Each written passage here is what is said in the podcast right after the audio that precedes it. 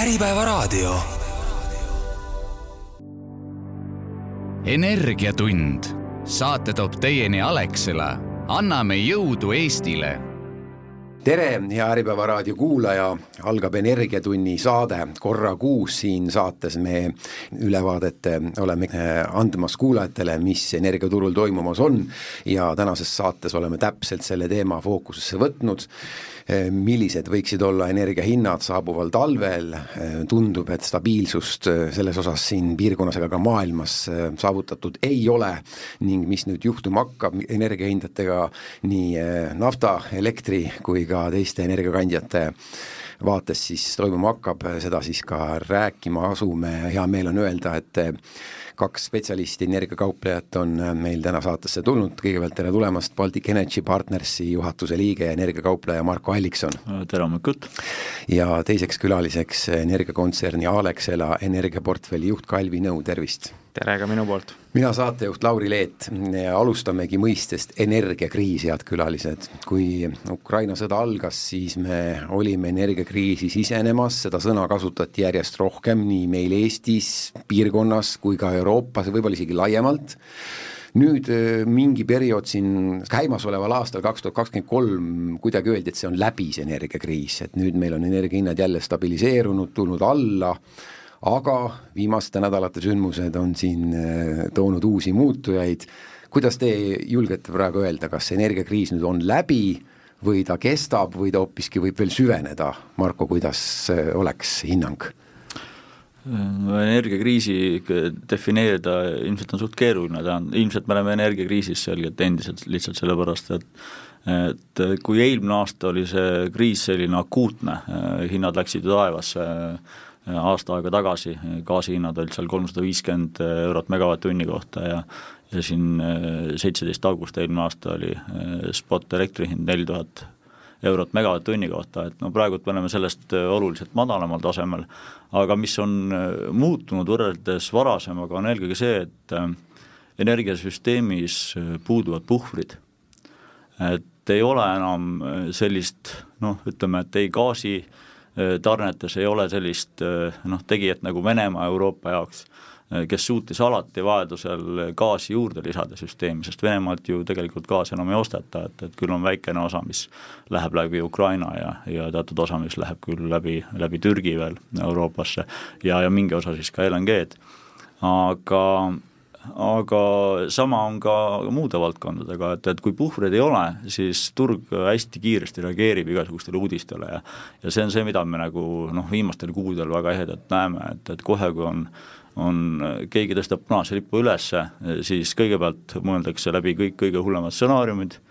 mis siis saab, et, et kas on jälle sõda lahti, kas jälle äh, purustatakse siin äh, gaasitorusid ja, ja, ja muid asju, et ja, ja loomulikult eh, seejärel turg üldjuhul rahuneb, et, et tehakse siis omad järeldused, selgitatakse välja, et, et et noh, fundamentaalselt varud on olemas, kõik on ju tegelikult noh, suhteliselt hästi turvatud, aga sellegipoolest puhvrite puudumine tähendab seda, et, et koheselt võidakse üle reageerida ja hinnad hüplevad Kalvi, kuidas on, kas see puhvrite puudumine, aga äh, samas see turg rahuneb, nagu Marko tõi välja, kas see võib juhtuda praegu siin lähiajal Eestis ka, kui me teame nüüd äh, lähinädala sündmusi, nii Balticconnectori äh, katkestust kui ka, kui ka uut sõda maailmas? jah, me näeme seda tegelikult üsna tihti, kas või kui me vaatame, mis augustis elektriturul toimus, piisas sellest, et jälle paar sellist olulist infrastruktuuri objekti, oli see siis äh, Auvere näiteks elektrijaam, mis läks välja, või Soomes tuumajaam, mis läks välja või, või olid seal piirangud kuskil äh, ülekandevõimsustes Rootsiga, koheselt elektrihinnad hüppavad selle peale see jällegi ilmestab seda, et äh, süsteemis ei ole neid puhvreid, et äh, kui miski läheb hoolduses, miski läheb planeeritult, planeerimata välja, et siis tuleks asemele midagi, mis suudaks seda efektiivselt kompenseerida sama me näeme täna ka gaasiturul, et Soome oli väga sõltuv Balticconnectorist, et, et tagada gaasivarustatus. niipea, kui nüüd nädalavahetusel Balticconnector välja kukkus süsteemist, et äh, koheselt süste-, äh, Soomes gaasihinnad hüppasid selle peale, jällegi näitab seda, et äh, süsteem on haavatav, seal infrastruktuuris ongi täna sisuliselt ainult kaks kohta, kust gaas saab veel Soome võrku siseneda. Ja noh, ollakse hetkel väga ärevad, et, et mis saab, mis saama hakkab talvel sõda nüüd algas Iisraeli ja, ja Hamasi vahel mõni päev tagasi, me ei tea, kuhu see välja jõuab. nüüd tänasel päeval, kümnendal oktoobril, teisipäeval, kui me seda saadet salvestame, on siin märk, et ta võib laieneda, teie hinnang teadmata, kuhu see sõda välja viib, palju see võib mõjutada energiahindade maailmaturu taset ja siis seda kaudu jõuab ka viivitusega Eestis ikkagi tarbijani? No siin on need mõjud ilmselt erinevad, et, et üks, üks on mõju nafta hinnale ja noh, nafta hind on on väga seotud sellega, mis loomulikult Lähis-Idas toimub, alati Lähis-Ida sündmused seda mõjutavad, teine osa on maailma majanduse üldine seis, et äh, mis ei ole väga hea, äh, pigem tuleb ju negatiivseid uudiseid pidevalt ja ja sõltub siis tõesti sellest, et, et kui palju see asi seal areneb, et, et kas sellel võiks olla veel mingisuguseid rängemad mõjusid, kas või näiteks nafta saadavusele või, või, või mitte, tähendab, ja hinnamõjust, aga noh, gaasi hinnale mõju on on ilmselt äh, pigem nagu lühiajaline, äh, vähemalt hetkeseisuga, noh kuigi seal piirkonnas on ka noh, vähemalt äh, teisel pool Araabia poolsaart Katar, on ju, mis on, on maailma üks suuremaid LNG eksportijaid, et et kui see peaks sinna kuidagipidi jõudma, no siis kahtlemata see, see efekt on suur, sellepärast et Katar tarnib LNG-d päris mitmesse kohta maailmas, et et kõik sõltub sellest, et, et mis seal siis tegelikult nagu toimuma hakkab, et et ma arvangi, et, et praegusel hetkel noh, kui vaadata, mis, mis ju toimus, suhteliselt kiiresti reageeris Euroopas gaasi hind, aga ei tasu unustada sellegipoolest, et, et mahutid on täis, see on ligi üheksakümmend seitse protsenti Euroopa gaasimahutid täis, tarbimine on vähenenud üheksa kuu vaates vähemalt, kui tagasi vaadata.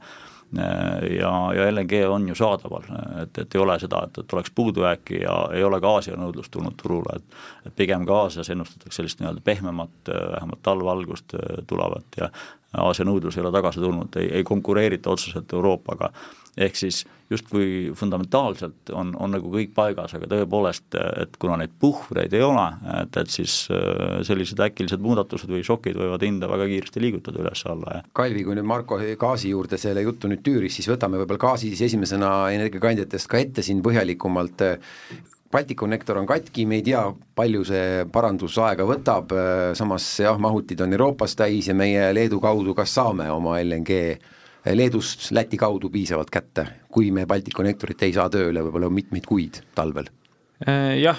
Eesti ja Baltikumi tervikuna varustuskindlus täna ei ole küsimärgi all, sest äh, ka Läti maagaasihoidla on äh, peaaegu ääreni gaasi täis, Klaipedas saab gaasi juurde tulla, et Baltikum võib selles mõttes hinnata rahulikult, et varustuskindlus on tagatud kes peaksid täna natuke ärevamad olema, on Soome tarbijad, et äh, kui toru nüüd ei saa kiiremas korras terveks, ei saa turule tagasi, noh siis ongi, äh, Soome turg on väga sõltuv sellest, et äh, kas ja kui palju gaasi tuuakse Inkosse,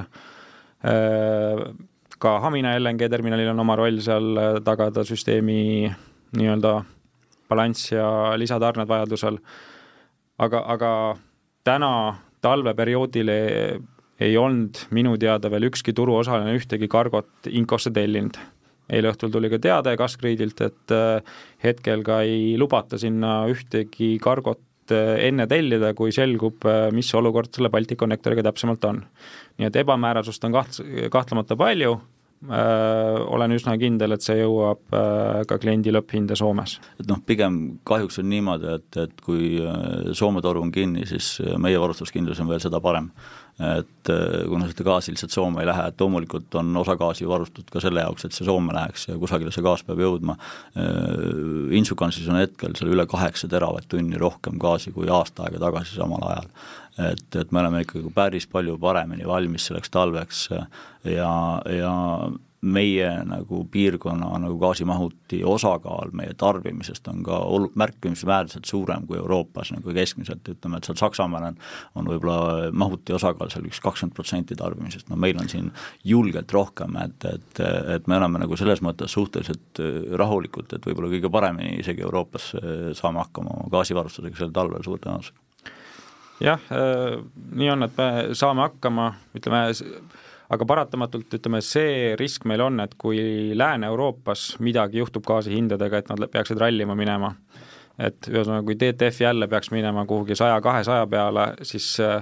paraku see hind jõuab ka Baltikumi, sõltumata sellest, et siin jah, nagu gaasi on piisavalt, varustuskindlust on kuidas see käib, et kui mahutid on täis, ostetud vana hinnaga, aga maailmaturu hind tõuseb, siis ikkagi meie sealt äh, saame ka ikkagi juba kallima hinna eest seda gaasi, kuigi ostetud sinna sisse on odavama hinnaga? Äh, päris nii see ei ole, sest äh, siis, kui tarnijad seda gaasi ostavad sinna nii-öelda odava hinnaga, siis nad teevad ka finantstehingud sinna peale, mis garanteerivad, et sõltumata sellest, kas turuhinnad liiguvad üles või alla, gaasimüüja kahju ei kannataks, mis tähendab seda, et kui gaasihinnad pea, peaksid pärast seda veel langema, siis saab selle langusega kliendini viia. aga kui ka gaasihinnad peaksid tõusma, siis äh, paratamatult tõuseb ka gaasi teeme kohe selgeks, Baltic Energy Partners ja Alexela, kui palju teie olete tulevikutehinguid gaasiga teinud, palju te olete nii-öelda valmis ostnud seda gaasi sealt äh, lõuna poolt? no see on kõik otseselt äh, igaühe nagu äritegevuse köögipool, et, et ilmselt seda ei pea avaldama. seda ei saa avaldada seda ei saa avaldada, aga ütleme, seda on piisavalt, et katta talveperioodil kogu portfelli vajadus. hüva, et ühesõnaga kokkuvõttes eh, tarbijad, kelle nii tootmine kui, kui ka eratarbijate gaasi hinnast sõltub palju, siis ma saan aru, et rahustate maha nii tarnekindlus kui hinna osas saabuval talvel midagi hüppelist, äh, katastroofilist ees oodata ei ole, kui just tõesti maailmas peaks midagi totaalselt halvasti minema ja tõesti Lähis-Ida suurde sõtta minema, noh siis on ettenustamatu, aga muus mõttes on kõik hästi. no ütleme, on hästi, kuigi nagu me peame olema valmis selleks, et me selgelt näeme, et süsteemis on mingisugused äh, pudelikaelad, infrastruktuuri kohad, kus, kus on näha, et kui õnnetus juhtub, siis süsteem ei ole selleks valmis, et mis peaks juhtuma, et toome näite, et mis, mis juhtuks täna, kui Eesti-Läti vahel peaks juhtuma gaasiühenduses mingisugune tõrge. Eesti oleks täielikult ilma gaasivarustuseta, sest äh, Soome poolt hetkel ei tule, kui Läti poolt ka katkeks, noh, Eesti, Eesti süsteem on täna väga haavatav, et, et selliseid näiteid saab palju tuua, et et et äh, meil ei ole seda kuulsat, äh, kurikuulsat käppa ka Paldiskis olemas endiselt, ehk et me ei saa ka sealtkaudu ujuvterminali kiiresti kohale äh, töösse panna ja kui Lätist ka nüüd tõesti jääks, nagu te ütlesite, kinni, siis oleksimegi mustas augus paari nädala või kuuga või kiireminigi mm,. meil ei ole oma gaasivarusid. jah, et me oleksime väga ruttu, kahe päeva küsimus. no hetkel Soome ja, ja, ja Läti, eks ole, Balticconnector Soomega on juba, seisab, et nüüd on kõik Läti ühenduse taga. mina nagu nii palju ei kardaks igasuguseid, ütleme Läti ühenduste nagu katkemise edasi, et, et see Soome ühenduse õnnetus, see on nagu arusaadavalt murettekitav, sellepärast et noh, kui ütleme igaüks, ka analüütikud, kes loevad, et nüüd hakatakse uurima, kus see võimalik nagu gaasileke on ja, ja juba nagu merevägi läheb seda uurima, no esimene mõte on kohe, et, et ilmselt on jällegi Nord Streami nii-öelda teine tulemine, on ju, et et, et ja see on see, mis pigem nagu hirmutab, et noh, tark on ikkagi ära vaadata, mis seal siis tegelikult toimus, äh, sest et noh, igast asjast on võimalik nagu niisugune hirmulugu välja luua ja, ja samas ähm, need hirmulood töötavad hästi jällegi olukorras, kus puhvreid ei ole et, et noh, paraku see on nagu kõige rohkem nende huvides, kes nagu soovivad gaasi toota ja müüa, on ju, et, et otseselt tootjate huvides, noh paraku ka venelaste huvides, on ju, see, et selliseid hirmulugusid nagu ümbergi käiks ja hinnad selle järgi liiguks et, et teisalt noh, ütleme, et, et tegelikkuses tuleb siiski aru saada, et, et kus, kust see gaasivarustus tuleb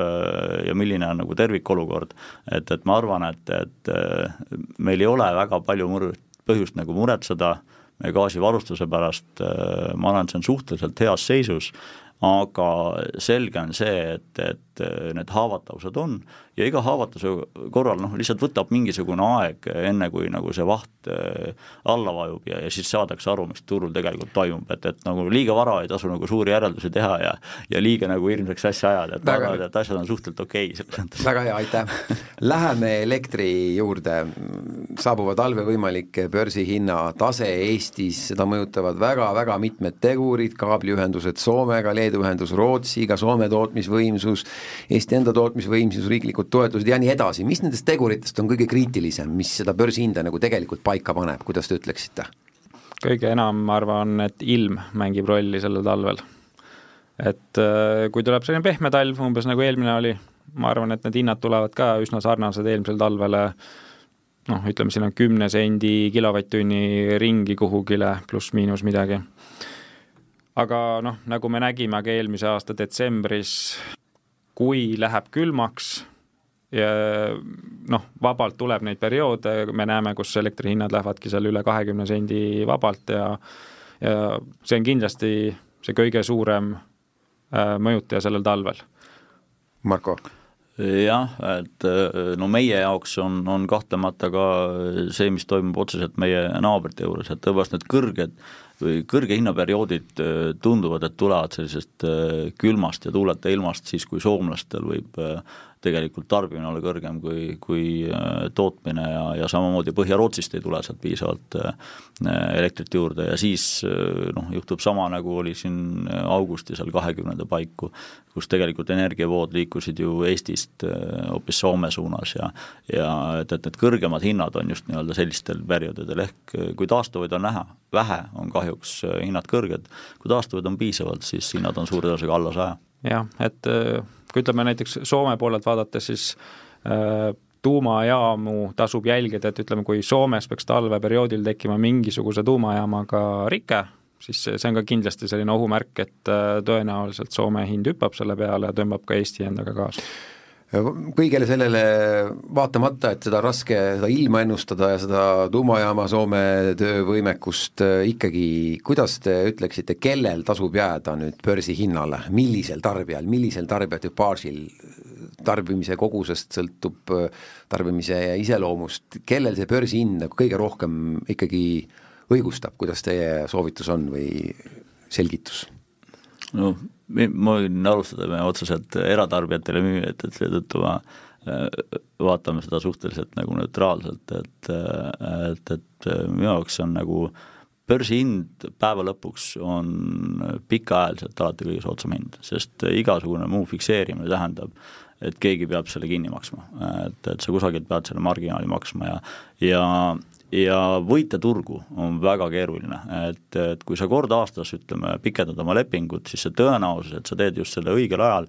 on väga väike, et seda on väga raske teha nagu treideritel, kes igapäevaselt sellega tegelevad, veel vähem ühel nagu tavainimesel, kes siis nii-öelda kord aastas või noh, ma ei tea, mingi lehe pealkirja peale nii-öelda reageerib ja siis hakkab nii-öelda kiiresti nii-öelda ühte või teist äh, otsust tegema. et noh, pigem on niimoodi, et, äh, et kui pikaajaliselt nii-öelda rahakott kannatab, siis äh, peaks andma börsihind kõige soodsama hinna, kui on hirm selle eest, et, et mingisugustel kuudel võib hind kõrgele ja börsihinnaga võib see olla kindlasti, see risk on olemas. et, et siis tasub äh, riskid maandada. ja noh, ettevõtete puhul on muidugi asi nagu teine, et, et väga paljuski sõltub sellest, et, et kuidas on ettevõtete äh, edasimüügiportfellid, et, et kas seal on hinnad fikseeritud, kas need on ka kuidagimoodi seotud näiteks elektrihindadega, et millega need seotud on, sellest sõltuvalt peaks ju iga ettevõte vaatama oma riske ja siis need vastavalt maandama, nii et, et see sõltub väga ettevõtte profiilist Kalvi, ma tahtsin just äh, ettevõtted mängu tuua, ma olen aru saanud, et äh, ikkagi päris valdavalt on börsihinda kasutatakse ettevõtetes eraldi, kuigi ja Marko tõi välja, et sõltub profiilist, eks iga ettevõte teeb need oma arvutused ise, aga ikkagi on siit-sealt kuulda, et me jätkame börsipaketiga, me jätkame börsipaketiga just nimelt selle loogikaga, et tegelikult pikemas perspektiivis sisendhinnana, tootmishinnana ta aasta lõikes või veel pikemalt tuleb kõige mõistlikum on neid, kes on selle poliitikaga, aga ütleme, pigem me näeme seda, et mida suurem ettevõte, seda tõenäolisemalt ta fikseerib. Äh, ka täna näeme seda, et kuna need fikseerimishinnatasemed on jõudnud ütleme sellisesse enam-vähem normaalsetele tasemetele, võrreldes nüüd sellega, mis meil siin viimased aasta-poolteist on olnud, siis äh, ma ütleks, et kui vähegi on äh, kliendil võbelus selle osas, et kas peaks fikseerima või mitte, siis ma ütleks, et pigem fikseerige ära ma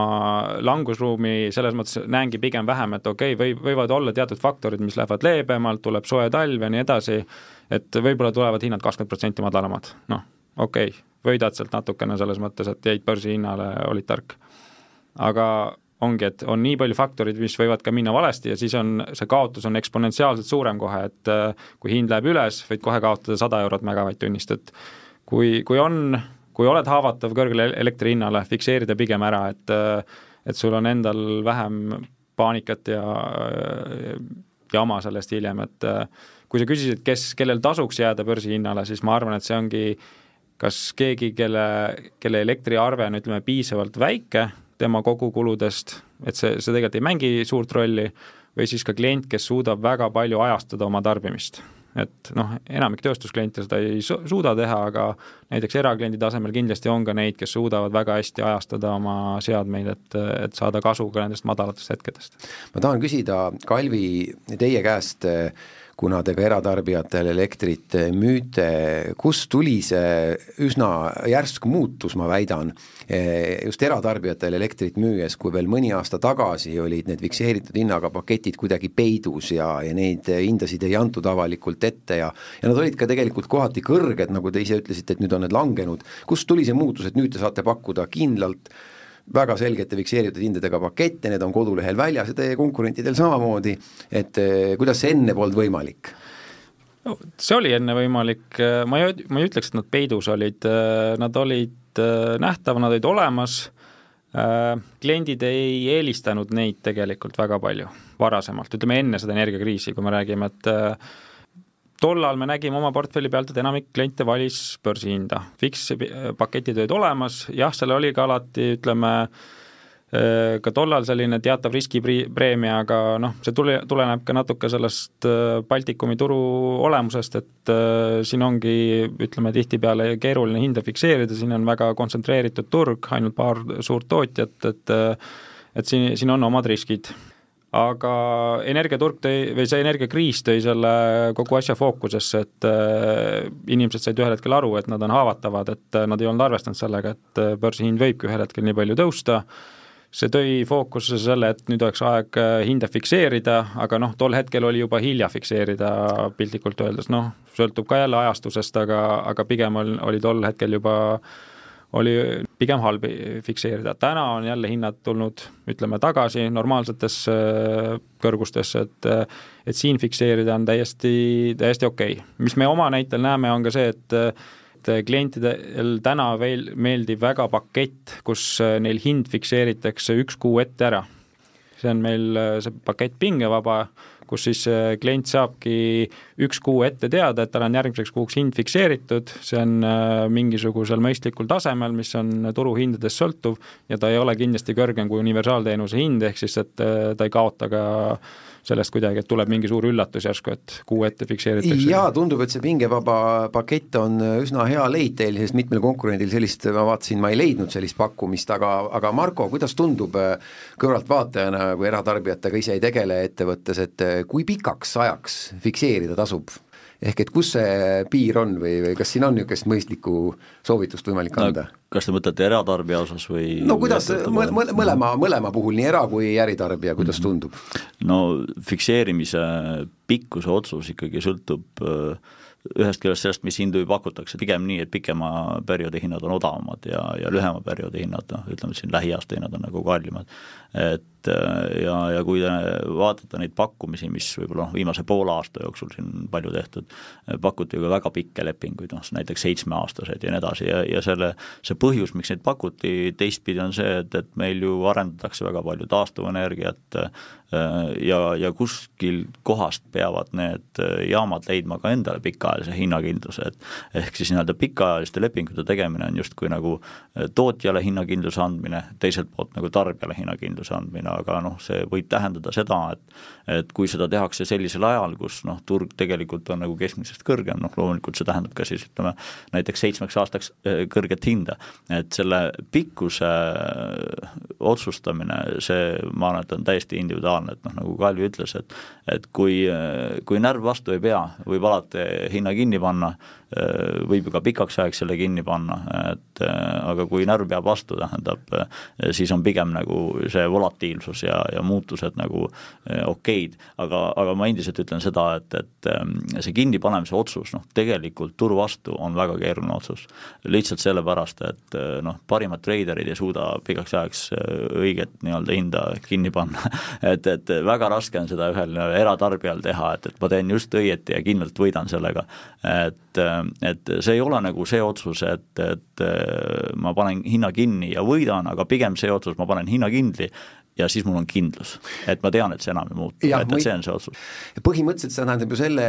ennustada proovimist, mis energiaturul üldse aastate jooksul maailmas äh, toimuma hakkab, eks ole, et kas läheb stabiilselt edasi, kas tuleb tootmisvõimsusi juurde või vastupidi, tulevad kriisid ja hind läheb üles siin kolme, nelja, viie või isegi seitsme aasta perspektiivis. aga kes seda oskab ennustada? Isegi nagu te ütlete, teie, treiderid,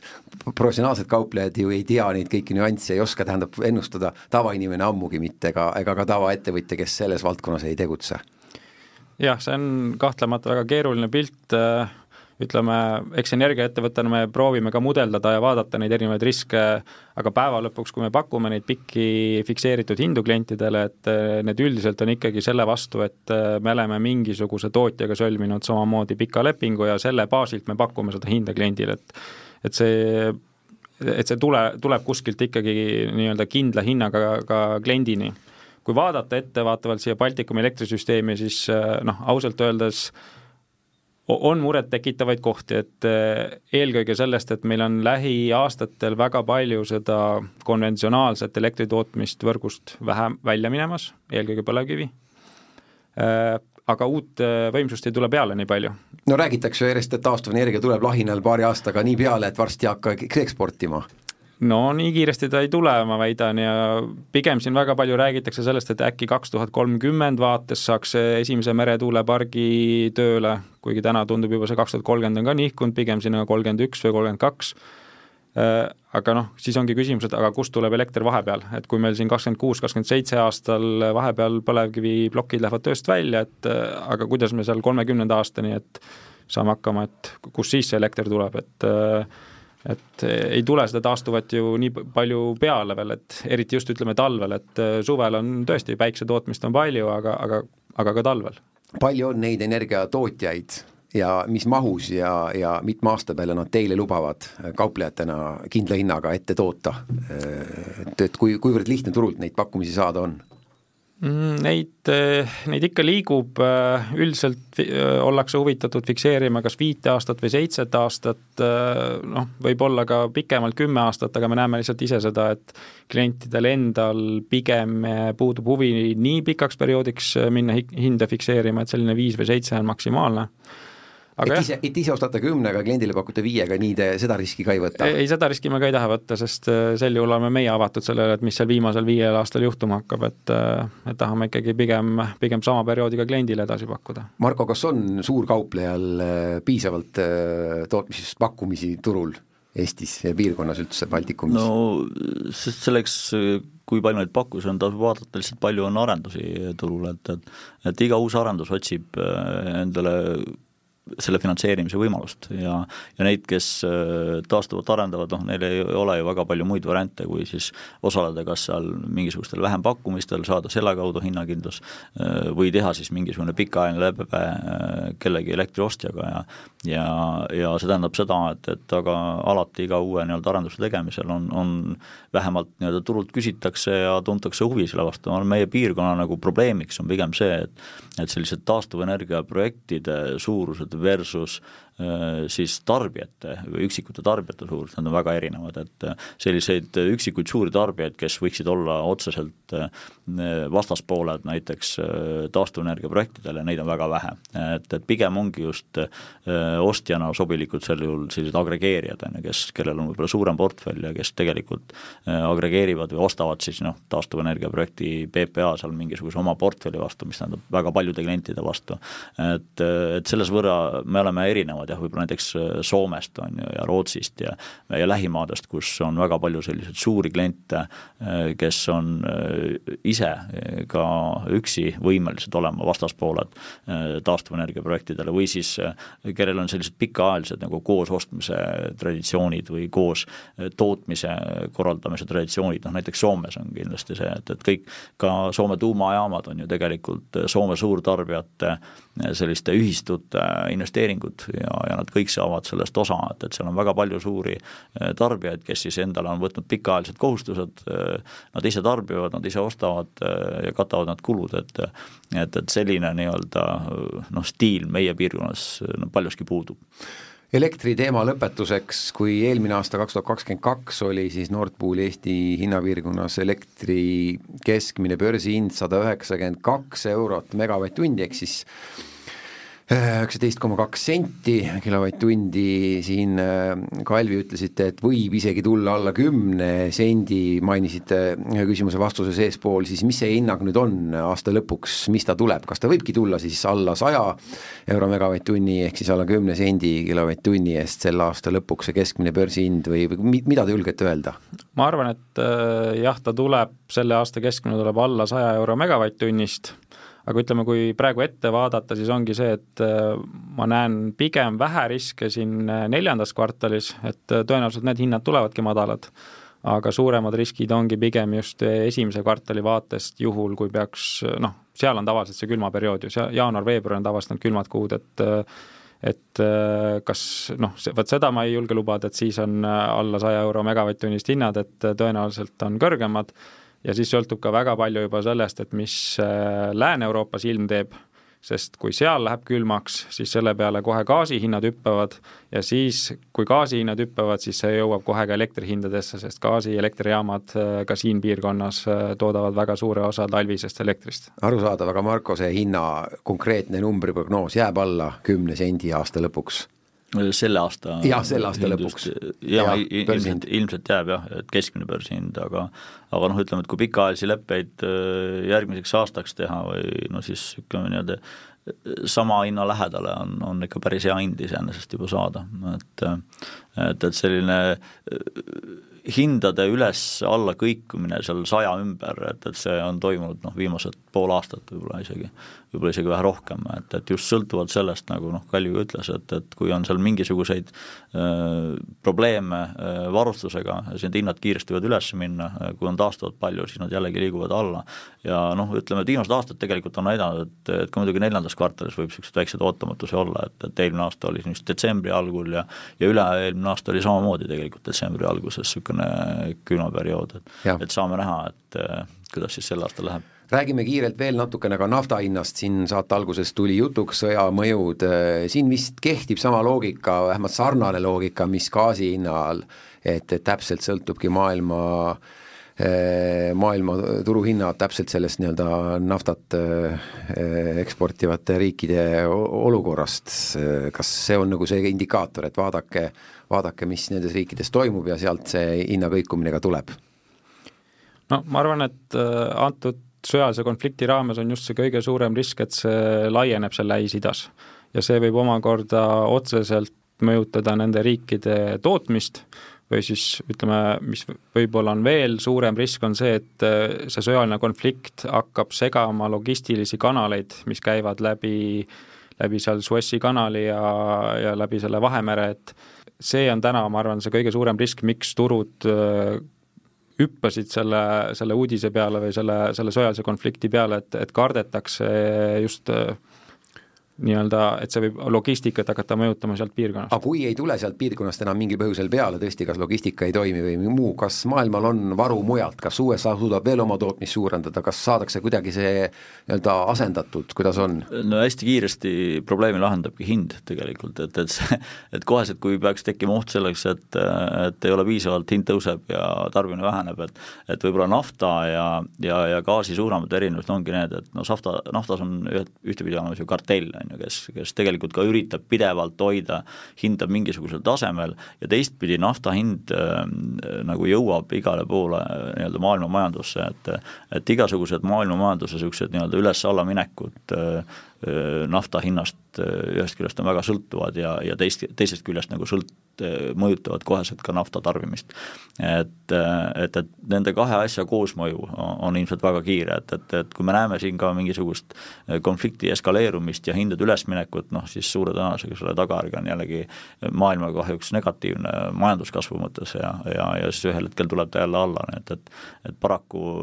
on nafta mõju selline võib-olla vähe laiem kui otseselt gaasi mõju Euroopas. ma nõuan teilt kindlasti jällegi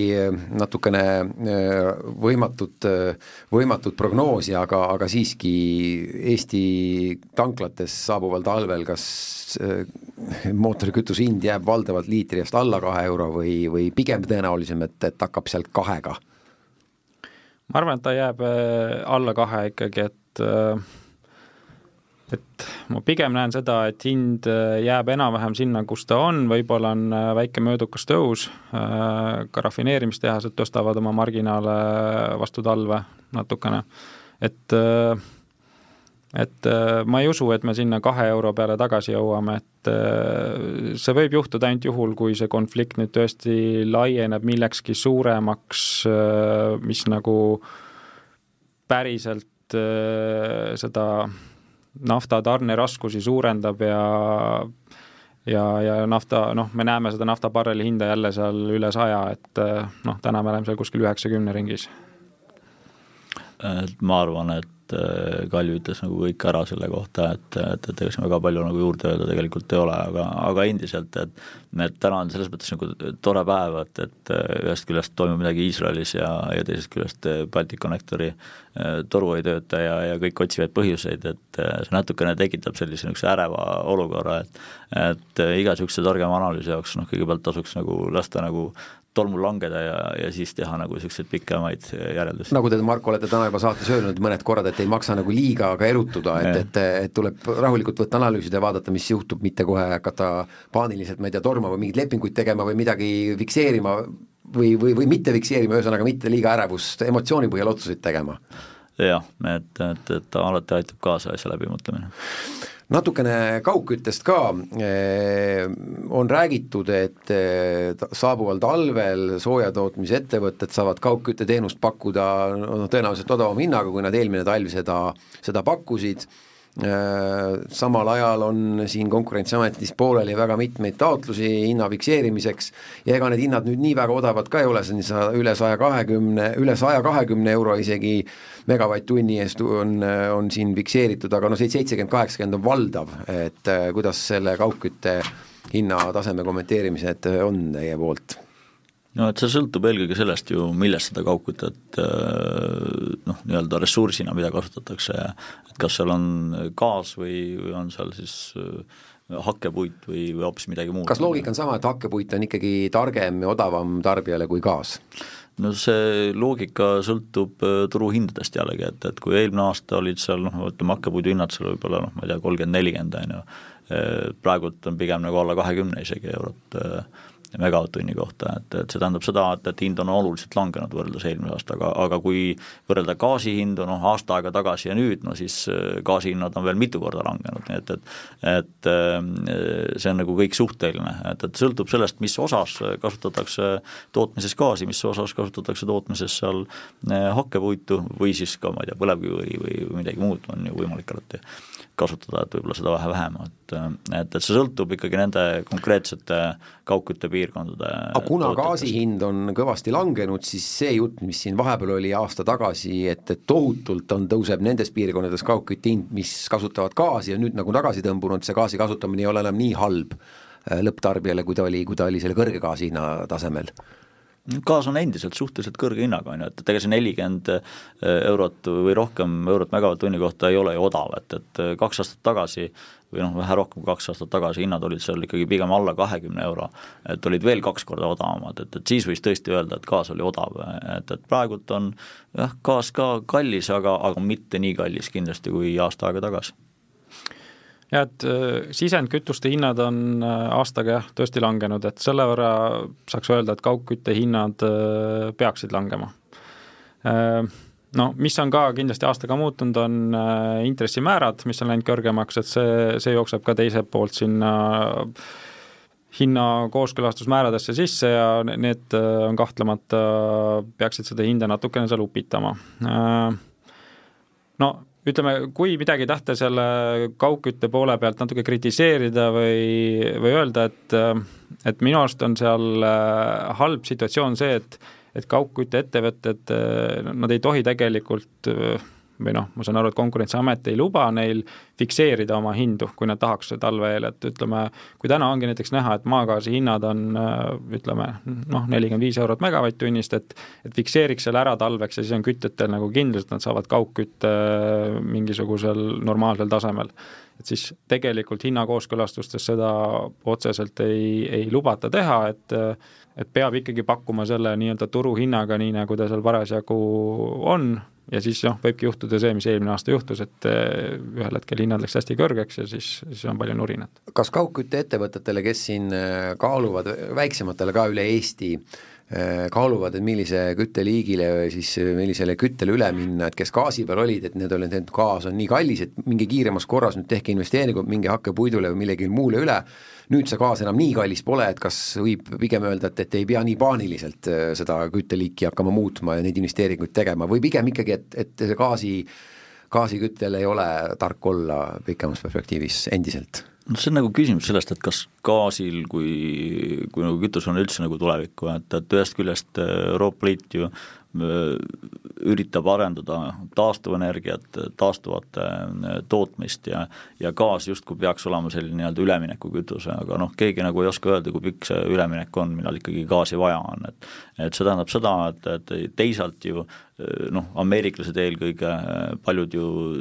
loovad uusi eksporditerminale, äh,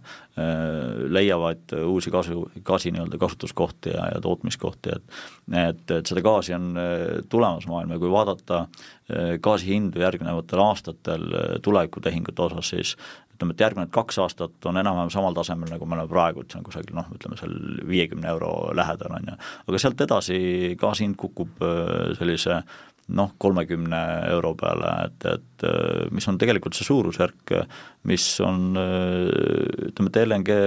eksporditerminali noh, nii-öelda omahind on, et, et sa toodad selle gaasi kusagil ja, ja ekspordid seal mujale. et, et, et sellise hinnaga nagu peaks teda nagu igal pool kätte saama, mis justkui ütleb seda, et, et noh, ütleme, et paari aasta pärast peaks olema ka ilma Venemaata piisavalt puhvreid ja, ja seda gaasi maailmas olemas, et et päeva lõpuks gaas on ju olemas, omad riskid sellel alati on. Aga erinevus hakkepuiduga on muidugi see, et hakkepuit on kohalik ja aga noh, ütleme, et, et ka see, et kas, kas ka hakkepuitu on piisavalt, eks see sõltub jällegi aastatest, on ju, et aastad ei ole vennad, et ja noh, kui vaadata näiteks Soome ka hakkepuidu kasutajaid, siis noh, sel aastal on olnud tegelikult suuri muutusi eelkõige sellest, et väga palju nagu toodi